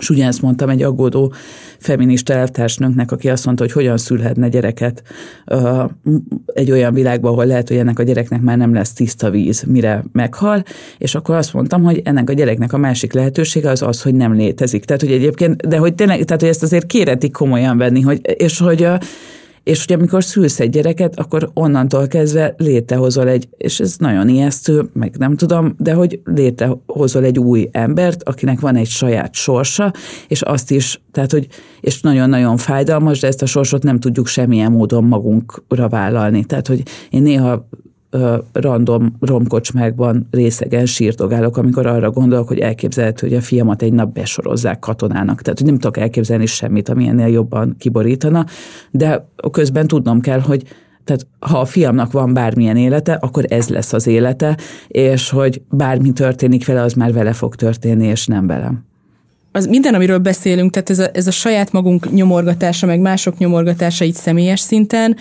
elveszi a fókuszt arról, hogy egyébként lehetne tudom én, érdekérvényesítő tevékenységet végezni, rendszerkritikusan gondolkozni, felismerni a problémákat, tehát hogy nem az van, hogy így a homokba akarjuk dugni a fejünket, hogy akkor mi csak élvezni akarjuk az életet, és nem tudom, de hogy nekem tökre hiányzik ebből a sok jó akarásból, meg jó emberkedésből, hogy valami olyasmi munkával próbáljuk meg változtatni a világot, ami mondjuk hagyományosan bevált, tehát mit tudom én, milyen ö, civil tevékenységek, Igen. vagy ilyen-olyan alulról jövő mozgalmak, tehát hogy ismerjük ezeket, ahelyett, hogy egymásra mutogatnánk, hogy te miért vállaltál gyereket, te miért azt veszed a boltban, Igen. te miért így gondolkodsz az interneten, nem tudom. Hát én, tényleg, tehát, hogy azt hiszem egyébként, hogy a tudatos gyerektelenségnél kevésbé rendszerkritikus mozgalmat én nem ismerek jelen pillanatban. Tehát, hogy, hogy mindarra, hogy mennyi rossz dolog történik a világunkban, meg nem tudom azt a választ adni, hogy akkor többet ne legyünk. Hiszen hát szóval, hogy végső soron ez a kifutás adnak, hogyha az emberek így nem ö, reprodukálódnak. Tehát, hogy, hogy ez valami egészen bizarr számomra, hogy, hogy, hogy hogyan lehet, hogy, hogy napjainknak a, a progresszívnak vagy bátornak tűnő gondolatai valójában mindenek csak nem nem rendszerkritikusak abban az értelemben, hogy, hogy, hogy azt mondanák, hogy, hogy itt van valami, ami nem, tehát nem csak arról van szó, hogy jó dolog, mert most ezen nyilván lehet vitatkozni, mert nem, nem tudom, hova lehet vitatkozni azon, hogy, hogy, hogy gyerekvállalás az egy, az egy nagyon értelmes és szép emberi cél, de hogy tegyük fel, hogy lehet erről vitatkozni, de az, hogy könyörgöm, ez az a mód, ahogyan az emberi faj fennmarad. Tehát, hogy, és akkor tőlem elmehet valaki abba az öngyűlölő irányba, hogy mindennek és mindenkinek jobb lenne, hogyha egyáltalán nem léteznének emberek a Földön, de hogy, tehát, hogy de ez már ne legyen része egy mainstream diskurzusnak, hogy valaki azt mondja, hogy egyikünk sem létezzen. Tehát, hogy, tehát, hogy azért azt gondolom, hogy ez úgy, úgy mindenhez képest valami fajta extremitást jelenít meg. Tehát, hogy egészen addig, amíg, amíg mi így létezni szeretnénk, és azt szeretnénk, hogy olyan társadalmakban éljünk, amik, amikben megjelenik frissesség és energia és új gondolatok, és valami olyasfajta szabadság és kötetlenség, amire sajnálatos módon a fiatalok valóban képesebbek, mint, mint azok, akik náluk idősebbek, addig, hát addig szülessenek gyerekek. Tehát, hogy és hogy a kérdés az csak az, hogy hogyan tudunk, tehát, hogy hogyan tud, tudjuk úgy megváltoztatni mind a gyereknevelésnek a szociális aspektusait, mind pedig a világunkat, hogy egyrészt a szülők se dögöljenek bele abba, hogy gyereket nevelnek, másrészt pedig a gyerekeink se dögöljenek bele abba, hogy nincsen ivóvízünk. Tehát, hogy, hogy ezek lennének az értelmes projektek így számomra. Igen, én egy fokkal dárkosabb vagyok, én nem vagyok tudatosan gyerektelen, egyszerűen csak így nem akarok gyereket, de hogy nem teszek úgy, mintha ez valamilyen nemes cél érdekében történne, és nem is nagyon tudom értelmezni, pont most néztem egy ilyen, a Telexen volt egy erről szóló riport, és tök érdekes volt, mert mindenféle ilyen magyarázatokat adtak emberek, hogy miért nem akarnak gyereket, és azon gondolkoztam, hogy én nem, nem tudnék erre magyarázatot, egy, egyszerűen a valaminek a hiányát nem tudom megmagyarázni, és nincsenek ilyen izéi, mint, hogy, mint amikor vegán voltam, én nem valami nemes célból voltam vegán, mert az állatok szenvedése érdekelt, és sem mondtam nagyon sok helyen, de hogy tényleg egyszerűen nem akartam húst tenni, és hogy valahogy ez, ez, ez van, ez a nyomás, hogy mindennek legyen egy ilyen erkölcsi háttere a, a szívünkben, és csak az a jó döntés, ami valami jó cél érdekében történik, Igen. csak úgy, azért, mert úgy döntöttem. Ami az nagyon nem... furcsa, hiszen közben a mondás az az, amivel mélyen egyet is értek, hogy a gyerekvállalás mindenkinek a legszigorúbban a magánügye, és hogy ez nem valami olyasmi, amivel elszámolással tartoznánk. De hát igen, hát érted, szóval, hogy, hogy tehát, hogy mindig a köztes álláspontok a legnehezebbek, tehát, hogy, hogy azt könnyű gondolni, hogy, hogy itt a klímakatasztrófa, és mostantól mindenki legyen vegán, és mindenkit megverek, aki mégsem, meg azt is könnyű gondolni, hogy nincs itt mindjárt a klímakatasztrófa, hanem az egész egy hoax. Tehát, hogy minden, amit a kettő között gondolsz, az valami bonyolult köztes álláspont lesz, ami mellett nehéz érvelni. És egy kicsit ugyanez van a, a, a, gyerekeknél, tehát, hogy, hogy könnyű ilyen semmiről tudomást nem vevő, ne ragymosott nagy családosnak lenni, mondaná, gondolom ez a közeg, ezek most tényleg nem a saját szavaim, és könnyű átfordulni a túloldalra, és akkor azt mondani, hogyha eddig mindenki azt mondta, hogy gyereket vállalni jó, akkor most mondjuk el azt, hogy gyereket nem vállalni miért jó. De hogy valójában nem ez lenne, tehát hogy nem ez lenne a feladat, hanem, hanem nagyon sok, sok esetben egész egyszerűen csak a, tényleg az a mondás, hogy így hagyjuk békén egymást, és hogy egyébként viszont, tehát hogy bizonyos alapvető normalitásokról, tehát hogy például arról a módról, ahogyan az emberi faj fennmarad, meg, tehát hogy meg úgy egyáltalán annak, hogy miért fontos az, hogy legyen jövendő generáció, ami nem azt jelenti, hogy mindenkinek hozzá kell járulni a jövendő generáció. Elég fideszesen hangzott, csak... tehát, hogy, hogy, tehát hogy, hogy, ezeket meg csak úgy tartsuk észben az agyunk hátsó szegletében, hogy nem, tehát hogy ezek ilyen triviális összefüggések, ahol nem születnek gyerekek, ott nem lesznek gyerekek, és aztán ahol nem lesznek gyerekek, ott egyébként felnőttek se lesznek. És az anyassággal kapcsolatban még az nagyon tetszett az a rész a könyvedben, ahol a szaranya hashtagről van szó, miszerint van egy ilyen trend online, hogy ugye nők így megengedik maguknak, hogy ilyen, nem tudom, tökéletlen anyák legyenek, és akkor erről posztolnak, hogy mit tudom én, most jaj, majd te mondasz jó példákat, mert én nem tudok, és akkor a végén odaillesztik, hogy hashtag szaranya, hogy amúgy, és akkor van egy ilyen bevallása ennek, hogy, hogy nem lehetsz csak úgy vétkes. Igen, igen. Hát, hogy van egy ilyen magyarázkodás. Igazából szerintem ez egy picit visszacsatol a, a MeToo-hoz is, meg egy csomó mindenhez, tehát hogy, hogy, mert hogy ez is, tehát hogy valójában ez a, kezdjenek el beszélni az anyák arról, hogy, hogy az anyasság az nem egy lányálom, ugye ez volt a kiinduló pont, ami, ami megint csak tök király, tényleg nem lányálom, meg nem tudom. És egyébként az a helyzet, hogy, hogy így se tudsz elérni semmit, mert hogy az alapvető probléma az civilizációs jellegű, tudnélik, hogy én se töltöttem három percnél többet csecsemőkkel, mielőtt megszületett a saját csecsemőm. De ezzel nem fog segíteni az, hogyha elolvasok egy csomó anyablogot arról, hogy milyen ezek a nők mennyire kihalvatlanok, meg nem tudom, mert lehet, hogy elmegy a kedvem az egésztől, de hogy valójában cél nem az lenne, hogy elmenjen a kedvem az egésztől, hanem hogy valahogy így felkészültebben tudjak nekivágni ennek az egész ö, projektnek.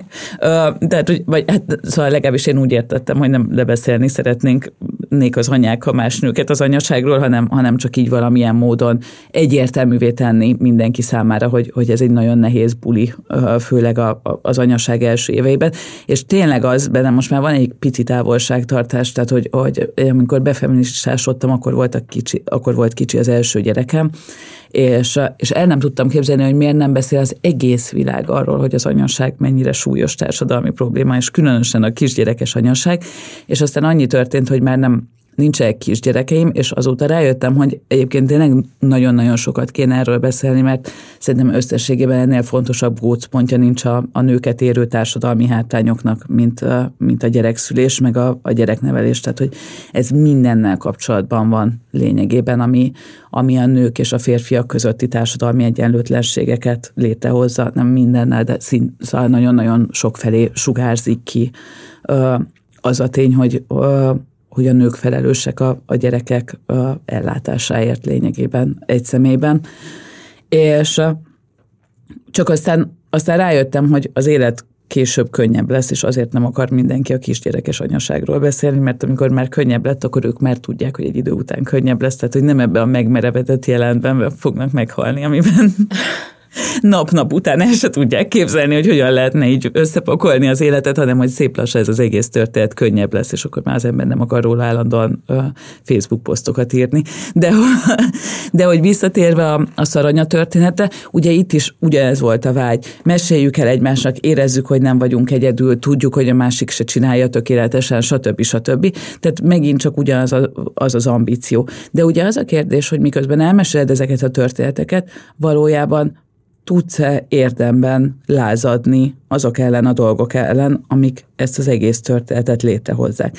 És hogy ami, ami miatt én bírálom a könyvben a szaranya hashtaget, meg az ehhez kapcsolódó ilyen, nem tudom, anyasági influenceri, nem tudom milyen trendeket, az az, hogy lényegében miközben bevallják, hogy nem tudnak neki megfelelni, magát a normát, mint hogyha jóvá hagynák. Tehát ugye a szaranya hashtag az azt mondja ki, hogy már megint, nem tudom, kiabáltam a gyerekemmel, mert én is tökéletlen anyaga vagyok, de belátom, hogy emiatt szaranya vagyok. És tehát, hogy, hogy lényegében nem ö, elmentem bulizni a barátnőimmel, mert, mert én is egy ember vagyok, aki szeretne néha a barátnőivel bulizni, hashtag szaranya. Érts, de ehhez nem volt jogom, hiszen anya vagyok.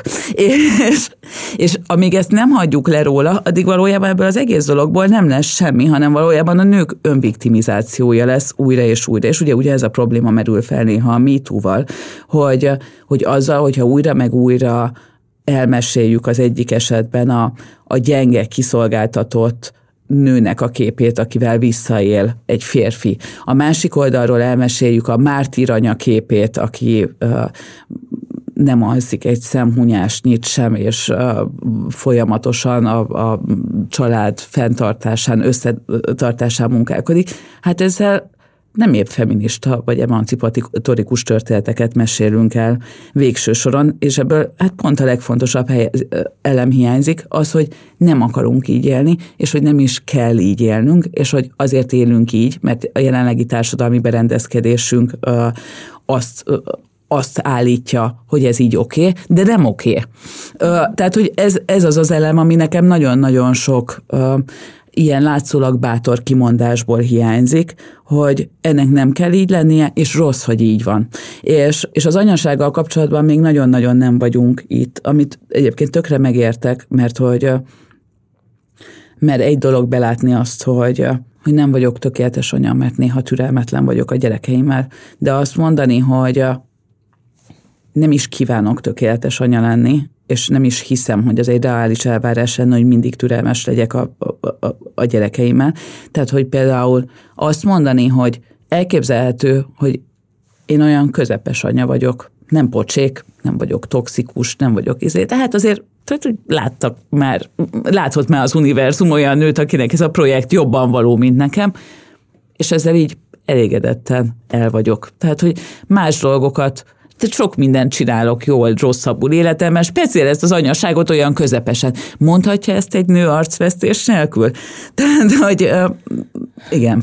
Tehát ez egy nem, nem, nem létező állítás lényegében, tehát hogy mindenkinek el kell fogadni azt, hogy, hogy ez valami alapvetően fontos dolog, hogy alapvetően az emberi értékemet az fogja eldönteni onnantól, hogy anyává válok, hogy ezt a dolgot én, én hogyan csinálom, és ezeket az előfeltevéseket nem, nem lehet nagyon megkérdőjelezni. És ami még meg van fejelve ezzel, ami szintén megjelenik a könyvben, mint csavar, hogy már az is a narratíva, e, ami ebből a pszichológizáló nem tudom, gondolkodásmódból jön, ami így a popkultúrából, meg mindenhonnan beszivárgott a fejünkbe, hogy már azon is kell gondolkoznod, hogy milyenféle módokon cseszed el a gyereked. Még mielőtt tettél volna bármit, biztosan tudod, hogy valamilyen módon el fogod cseszni a lelki világát, és majd terápiába kell járnia, és teljesen kimaradnak azok a szempontok, hogy egyébként a társadalom milyen hatással lesz rá, és onnan miket szed össze, ami egyáltalán nem a te hibád, de valahogy mégis az anyát fogjuk hibáztatni, érte? Igen, igen, tökéletesen el tudunk feledkezni arról, hogy a, hogy a gyerekek azok, azok a társadalmunk részei. Sőt, mint hogy az is az anyák feladata lenne, hogy a gyerekeiknek minél kevésbé kelljen a társadalom részévé válnia. Tehát, hogy mint hogyha mint hogyha az anya dolga az lenne, hogy egy ilyen egyszemélyes buborékot képezzen a gyerek körül, és azon a buborékon belül bármi, bármi probléma történik, az, az mindenképp a, a, az anyák felelőssége lesz.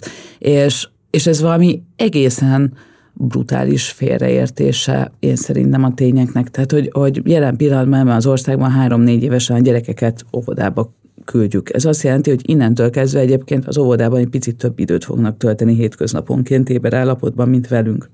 Tehát, hogy és aztán ez az egész történet megy tovább, tehát hogy előttük van egy hosszú élet, amiben, amiben nyilvánvalóan a, családnak kiemelten nagy fontossága van, de hát össze-vissza lótnak, futnak edzésre, iskolába, szokkörre, ide-oda, amoda. És akkor ott van az online Orvoshoz tér, visszük, őket. Ott van a komplet online tér, amitől szintén nekünk kéne megvédeni őket, ami aztán tényleg a szorongásnak a magas iskolája, mert hogy még magunkat se tudjuk, hogy hogyan védjük meg az online tértől, nem hogy a, nem hogy a gyerekeinket, és akkor ezzel, ezzel kapcsolatban is megy ez a, ez a hát a szokásos hibáztatókörök. És hogy, és hogy egész egyszerűen nem, tehát hogy, hogy megint csak annak a dolognak a belátása, hogy egy, a gyereket egy csomó más felnőtt is körbeveszi, például apák. De ez de még mellettük is nagyon. Tehát, hogy nem, nem akartam őket így nagyon kiemelni, de szóval...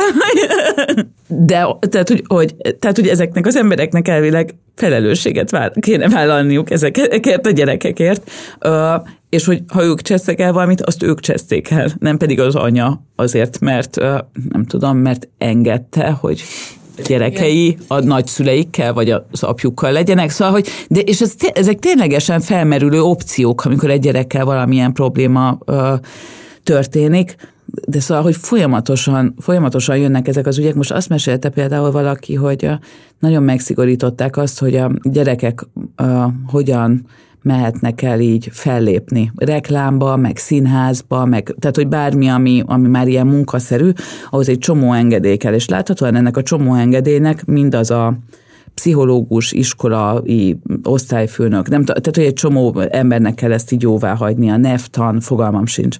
És hogy ugye mi mögötte a gondolat, az, hogy a szülő az megbízhatatlan, az, az majd izé elküldi a gyerekét a bányába, csak azért, hogy nem tudom, rajta keresztül pénzt keressen, vagy kiélje meg nem valósított ambícióit. Szóval, hogy az a lényeg, hogyha a gyerek elmegy valahova, ahol rosszul bánnak vele, akkor az automatikusan a szülő hibája, és lényegében a szülői felelőtlenségtől kell ezekkel a történetekkel megvédeni a gyerekeket, ugyanis egyetlen dolgot nem figyel meg a komplet vizsgálat, ez pedig az, hogy ahova küldöd a gyereket, ők fel vannak-e készülve arra, hogy gyerekekkel dolgozzanak. Tehát ebből az egész nagy szisztémából egyetlen dolognak a belátása hiányzik, hogy alapvetően, hogyha én elküldöm a gyerekemet, nem tudom, játszani egy színházi darabban, és ott a az én gyerekemmel valami nagyon rossz dolog történik, azt az ott lévő felnőttek rontották el. Tehát, hogy, és az ő felelősségük, hogy elrontották, nem pedig a szülői, mert odaengedte a gyerekét. Egyébként az egész nagyon emlékeztet az áldozat hibáztatásra, hogyha jól belegondolsz. Tehát, hogy, hogy,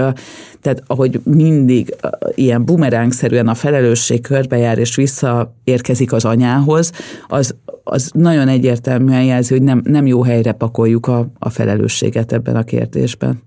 Tényleg eszméletlen, ahogyha így a, végig gondolom, hogy a, a nőket érő, tényleg hagyományosan, meg tradicionálisan, hogy mennyi szégyen forrás kapcsolódik hozzánk, akár az anyaság kapcsán, vagy ha nem vagy anya, akkor azért, a menstruáció Igen. kapcsán ugye tudjuk, fiatal lányok tényleg nagyon-nagyon hamar ráébrednek arra, hogy gyakorlatilag Hát sok helyen még az, az egész család becsülete is ugye a lányon és az ő viselkedésén fog múlni.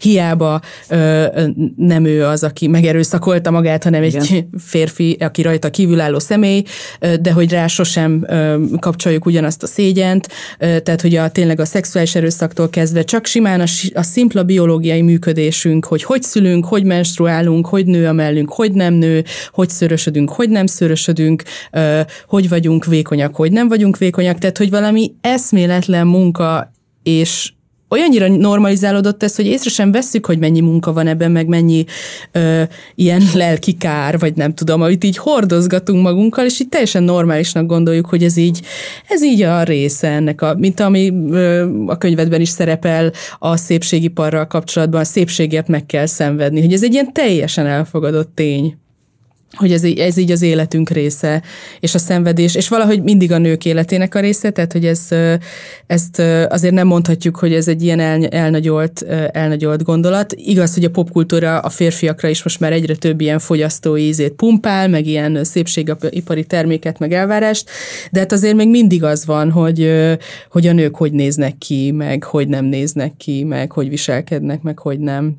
Hát igen, a, a, igen tehát hogy van, van néhány különbség, miközben tényleg, tehát hogy, hogy most egy kicsit visszatérve az online térre, tehát ugye ez az egész szépségipari nyomasztás, ez, tehát hogy elkezd, tehát akkor, akkor tudott igazából elkezdődni, amikor a fényképezés elkezdődött. Tehát, hogy amint, amint lehetett nőknek más képei, nők képeit mutogatni, onnantól kezdve tömegesen, sokszorosítva, onnantól volt igazán jó esély arra, hogy, hogy a nők internalizálni tudják azt, hogy ne így néz ki valaki, aki szép, és ehhez képest hogyan nézek ki én. És tehát nekem az az érzésem, hogy pont ennek megfelelően valójában a szépségipar akkorára tud duzzadni, amennyire sok képet látunk.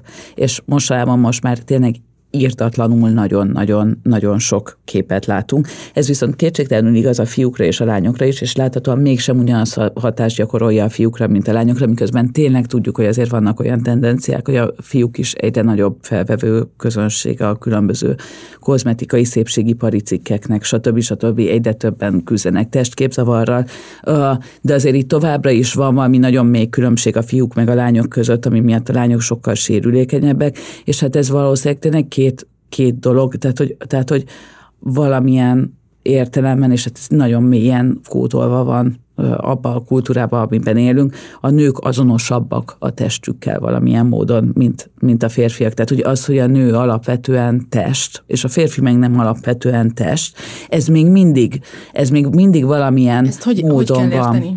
Hogy a, hogy az, ami, hát igen, ez nagyon nehéz ennél pontosabban mondani, azt hiszem, de szóval, hogy, hogy az, az, hogy mi a te lényeged, hogy mi az, ami uh, mi az, ami alapján te értékessé válsz, vagy nem válsz értékessé, az a nők, nők esetében sokkal-sokkal szorosabban kötődik a testükhöz. Tehát, hogy, hogy nem az a fajta leválasztás, hogy hogy van egy külsejük és van egy belsejük, az valahogy, mint hogyha kevésbé tűnne érdekesnek, mint, mint a férfiak esetében, és ugye között a kettő között ilyen furcsa ellentmondások lehetnek.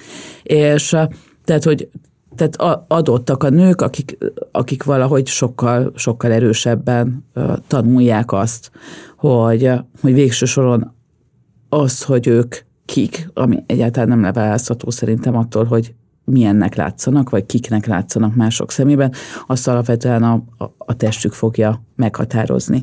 És innentől kezdve ez az egész téma, ez, ez tényleg borzasztó sok irányba tud tud elmenni, ami nagyon érdekes, hogy ez akár még jó irányba is elmehetne, mert hát szóval, hogy egyébként a testünkkel egy csomó jó pofa, meg élvezetes, meg gyönyörteljes dolgot csinálunk, de valamiért ezek viszont szisztematikusan tiltva vannak a, a nőknek, mert mint hogy éppen mikor melyik, de szóval, hogy a, a, most éppen leginkább talán az evés én speciál alvásból se kapok eleget, ez talán nem gender specifikus, korábban a szex, de még mindig egy picit hadilában állunk egyébként azzal kapcsolatban, hogy a nő, mint aktív, kezdeményező, Ó, szexuális lény, az igen. igen, igen. az így létezhet, és ez így oké. Okay mi több király. Tehát, hogy a testiségnek valahogy, mint hogyha a terhes részei ö, kerülnének kerülnének a nőkre folyamatosan, és ez valóban egy ilyen, hát én remélem senki nem bántodott meg rajta, de szóval, hogy, hogy egy ponton azt, azt írom, hogy, tehát, hogy az ilyen szépségipar sújtott a társadalmakban szinte minden nő a testi diszfóriának egy enyhébb változatával létezik együtt, tehát hogy nagyon-nagyon kevesen vannak, akik, akik kényelmesen tudnak létezni abban a testben, amelyben léteznek. De tényleg ez van, szóval az biztos, hogy nem hiszem, hogy tudunk olyan nővel beszélni, aki ne ismerné be, hogy nincs, nincs rendben az arcával, a testével, valamelyik szegletével, valamelyik részével. Tehát, hogy ez, ez olyan alaptudás, és ez tényleg annyira ö, megkérdőjelezhetetlen szerintem is, és iszonyatosan ráerősít az online tér valóban, ami számomra is tényleg magamon éreztem a, a social media használatom növekedésével, meg ahogy az egész eluralkodott, amikor bejött a Facebook, meg az Insta, meg a nem tudom, hogy mennyire e, ahogy mondod, elkezdem magam kívülről nézni, egy ilyen eltávolodás van, létrejön egy ilyen rajtam kívülálló perszónám, amit így gondozok, meg így uh-huh. kirakok, meg így odarakok, és ahhoz igazítom magam, és egy ilyen folyamatosan, folyamatos kényszerem van arra, meg ingerem van arra, hogy, hogy posztoljak magamról, és jó fényben, és jó arccal, és nem tudom, miközben a saját arcomat ahogy én látom, a tükörben egyre jobban utálom, mert nyilván nem hasonlít ahhoz a gondosan kurált képhez, Igen. amit én oda kirakok, és amikor ezt mesélem másoknak, akkor nem értik, mert hogy de hát Zsófi, olyan jól nézel ki, hát nem mondd már, hogy csúnya vagy. és akkor hogy persze, mert te azt látod, amit én a 300 kép közül kiválogatok, és egy ilyen egészen bizarr ö, képem lett nekem is aztán magamról, nagyon sok munka volt ezt feldolgozni, meg nyilván egy ilyen ongoing izé, ami szerintem nem nagyon fog elmúlni, amíg social media létezik, de legalábbis most már azt sikerült elérnem, hogy lekattantam arról, hogy posztoljak, és ez se azért, mert nagyon ügyes vagyok, csak amit a múltkor is meséltem neked, behozom ide, hogy nagyon egy nagyon szerető, gondoskodó kapcsolatba kerültem, meg, meg nagyon jól rendeződtek a viszonyaim így a környezetemmel, meg a családommal, és onnantól kezdve nem éreztem már ezt a kényszeres ö, örcs, így, ilyen, ilyen kényszert magamban, hogy, ö, hogy posztoljak, és állandóan kinyilatkoztassak valamit a világ felé, és jelezzem, hogy én létezem, mert ez gyakorlatilag erről szólt. Igen.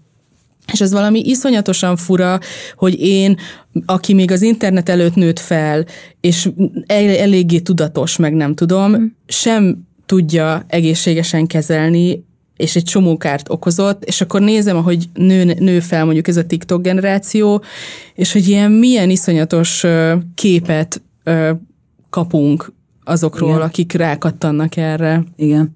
Most egyébként, tehát, hogy túl a rendszerkritikán, és így visszatérve az online térbe, tehát, hogy ezeket a felületeket tényleg nem arra programozzák, hogy mi jól érezzük magunkat tőlük. Tehát, hogy, hogy lehet, hogy lehetne úgy is, de hogy feltehetőleg a, a, a nyugodt derű az kevésbé addiktív, mint hogyha az ember szégyenkezik, fel, felcseszi az agyát, a, a morális felsőbbrendűsége teljes tudatában vitatkozik, stb. stb. Tehát hogy, hogy, hogy, tehát, hogy ezeknek megvannak a maguk hatásmechanizmusai, tehát hogy mik, mik azok az érzelmi állapotok, amiket ezek a felületek ki akarnak váltani belőlünk, és azok milyen típusú viselkedésre buzdítanak minket, ami feltétlenül oda vezet, hogy még több időt töltünk ezeken a felületeken, és ez tényleg retteltesen nagyon-nagyon nehéz kezelni, én szerintem, és azért tényleg, tehát, hogy csak ha belegondolsz abba, tehát, hogy el tudod képzelni, hogy valaki azt mondja, hogy annyira szuper napon volt, egész nap a Facebookon és az Instagramon kurva jó posztokat osztottam meg, és isteni vitákba keveredtem. Tehát ilyen nincs. Tehát, hogy, hogy, hogy, és hogy tényleg azt látod, hogy valójában, tehát, hogy ezeket a platformokat akkor ha két, két esetben használod, ha valamit el akarsz adni, vagy hogyha szarul vagy. Tehát, hogy, és hogy szerintem ez egy fontos belátás, hogy, hogy ezek a felületek alapvetően nem a, az énünknek a boldog oldalához kapcsolódnak. Illetve lehet ezzel egy, nem tudom, annyit vitatkoznék, hogy szerintem van egy ilyen tényleg egy olyan része, ami egy tényleg örömet adó, kedves dolog, hogy így megosztom, ha valami jó történik, vagy jártam egy szép helyen. Szerintem, és ez még szerintem mindig működik, hogy így hogy így tök jó látni a távol levő barátaimnak a posztjait, de hogy tényleg nagyon nehéz ezt ebben a mederben tartani, hogy ki, kizárólag az ilyen kedves, nem tudom, Igen. közösségi megosztása az élményeknek. És ami még szerintem érdekes jelenség, hogy, hogy hogy a feminizmus, mint olyan, vagy így a femi, feminista aktivizmus, az így hogy szorult bele ebbe a térbe, vagy beszélhetünk Igen. akármilyen civil aktivizmusról, Igen. csak most így az, az, ami itt számunkra is relevánsabb, hogy hogy azt gondoljuk, hogy a feminizmus az egyenlő egy hashtaggel, a MeToo-val, mm. vagy egyenlő azzal, hogy body positivity movement van, és akkor ö, most már a teltebb csajok pózolnak ugyanabban a pornós pózban a magazinokban, és az akkor milyen kurva jó, vagy rendelhetünk feministás pólót online. És ez, ez ami számomra nagyon aggasztó, hogy mondjuk fiatal generációk, lányok ebben a térben nőnek fel, most már a gondolataik nagy része ebben a térben mhm. történik, meg az információk, amiket szereznek, innen jönnek, és hogy tényleg az ilyen közösségi grassroot találkozás, az nem nagyon történik meg. Egyrészt nem minden fronton ritkán történik meg, meg egyre ritkábban, tehát hogy, hogy tényleg nagyon, tehát egyre ritkább elérni azt, hogy emberek így IRL egy térben legyenek, és csináljanak akármit, ami szerintem retentő ijesztő. Mármint, hogy ilyen ügy érdekében, mert szerintem egyébként még mindig szeretünk moziba járni, meg kocsmázni, meg nem tudom, tehát hogy nem, ez most nem valami alapvető kultúrkritika akart lenni, de ez, ez hogy így összekapdosni embereket, hogy így valamit csináljunk együtt, ez, ez, ez tényleg, mint hogyha nehezebbé vált volna, bár néha az az érzésem, hogy csak öregszem, és minden annyira betelt az élete az összes ismerősömnek, és hogy lehet, hogy még, még jobb, tehát hogy, hogy még a 20 éveseknél talán jobb a helyzet, helyzet, de hogy, de hogy én szerintem tényleg annál nagyobb, tehát, hogy, hát, hogy kellene nekünk egy mozgalom, egy rendes mozgalom, de szerintem nagyon-nagyon messze vagyunk attól, hogy, hogy ez így fel tudjon épülni, és nem, nem csak az erőforrások, nyilván iszonyatosan hiányzik hozzá a pénz, meg az idő, meg, meg minden, de hogy én, én soha nem is láttam azt, hogy, hogy lenne itt egy, egy olyan csapat, vagy, vagy csapattá tehető embereknek az összessége, akik így képesek lennének egymással úgy kooperálni, hogy ebből, ebből egy tényleges mozgalom létrejöhessen. Szerintem csak ezen kéne dolgozni lényegében feministaként, tehát hogyha, lehet, hogyha holnap mindenki abba hagyná a Facebook posztok írását, és semmi más nem csinálnánk, csak így lassan felépítenénk egy szervezetet, az annak több értelme lenne. Nagyon köszönöm, hogy itt voltál másodszor is és hát tudtunk mélyebbre menni. Az első beszélgetés is baromi érdekes volt és átfogó, de azt hiszem, hogy most tényleg sikerült igazán kényelmetlen elkörcsi dilemmákban elmerülni, amit, amit nagyon vártam, és nagyon örülök, hogy ezeket ki tudtok beszélni, úgyhogy köszönöm szépen, hogy itt voltál. Én is nagyon szépen köszönöm, most is csodás volt.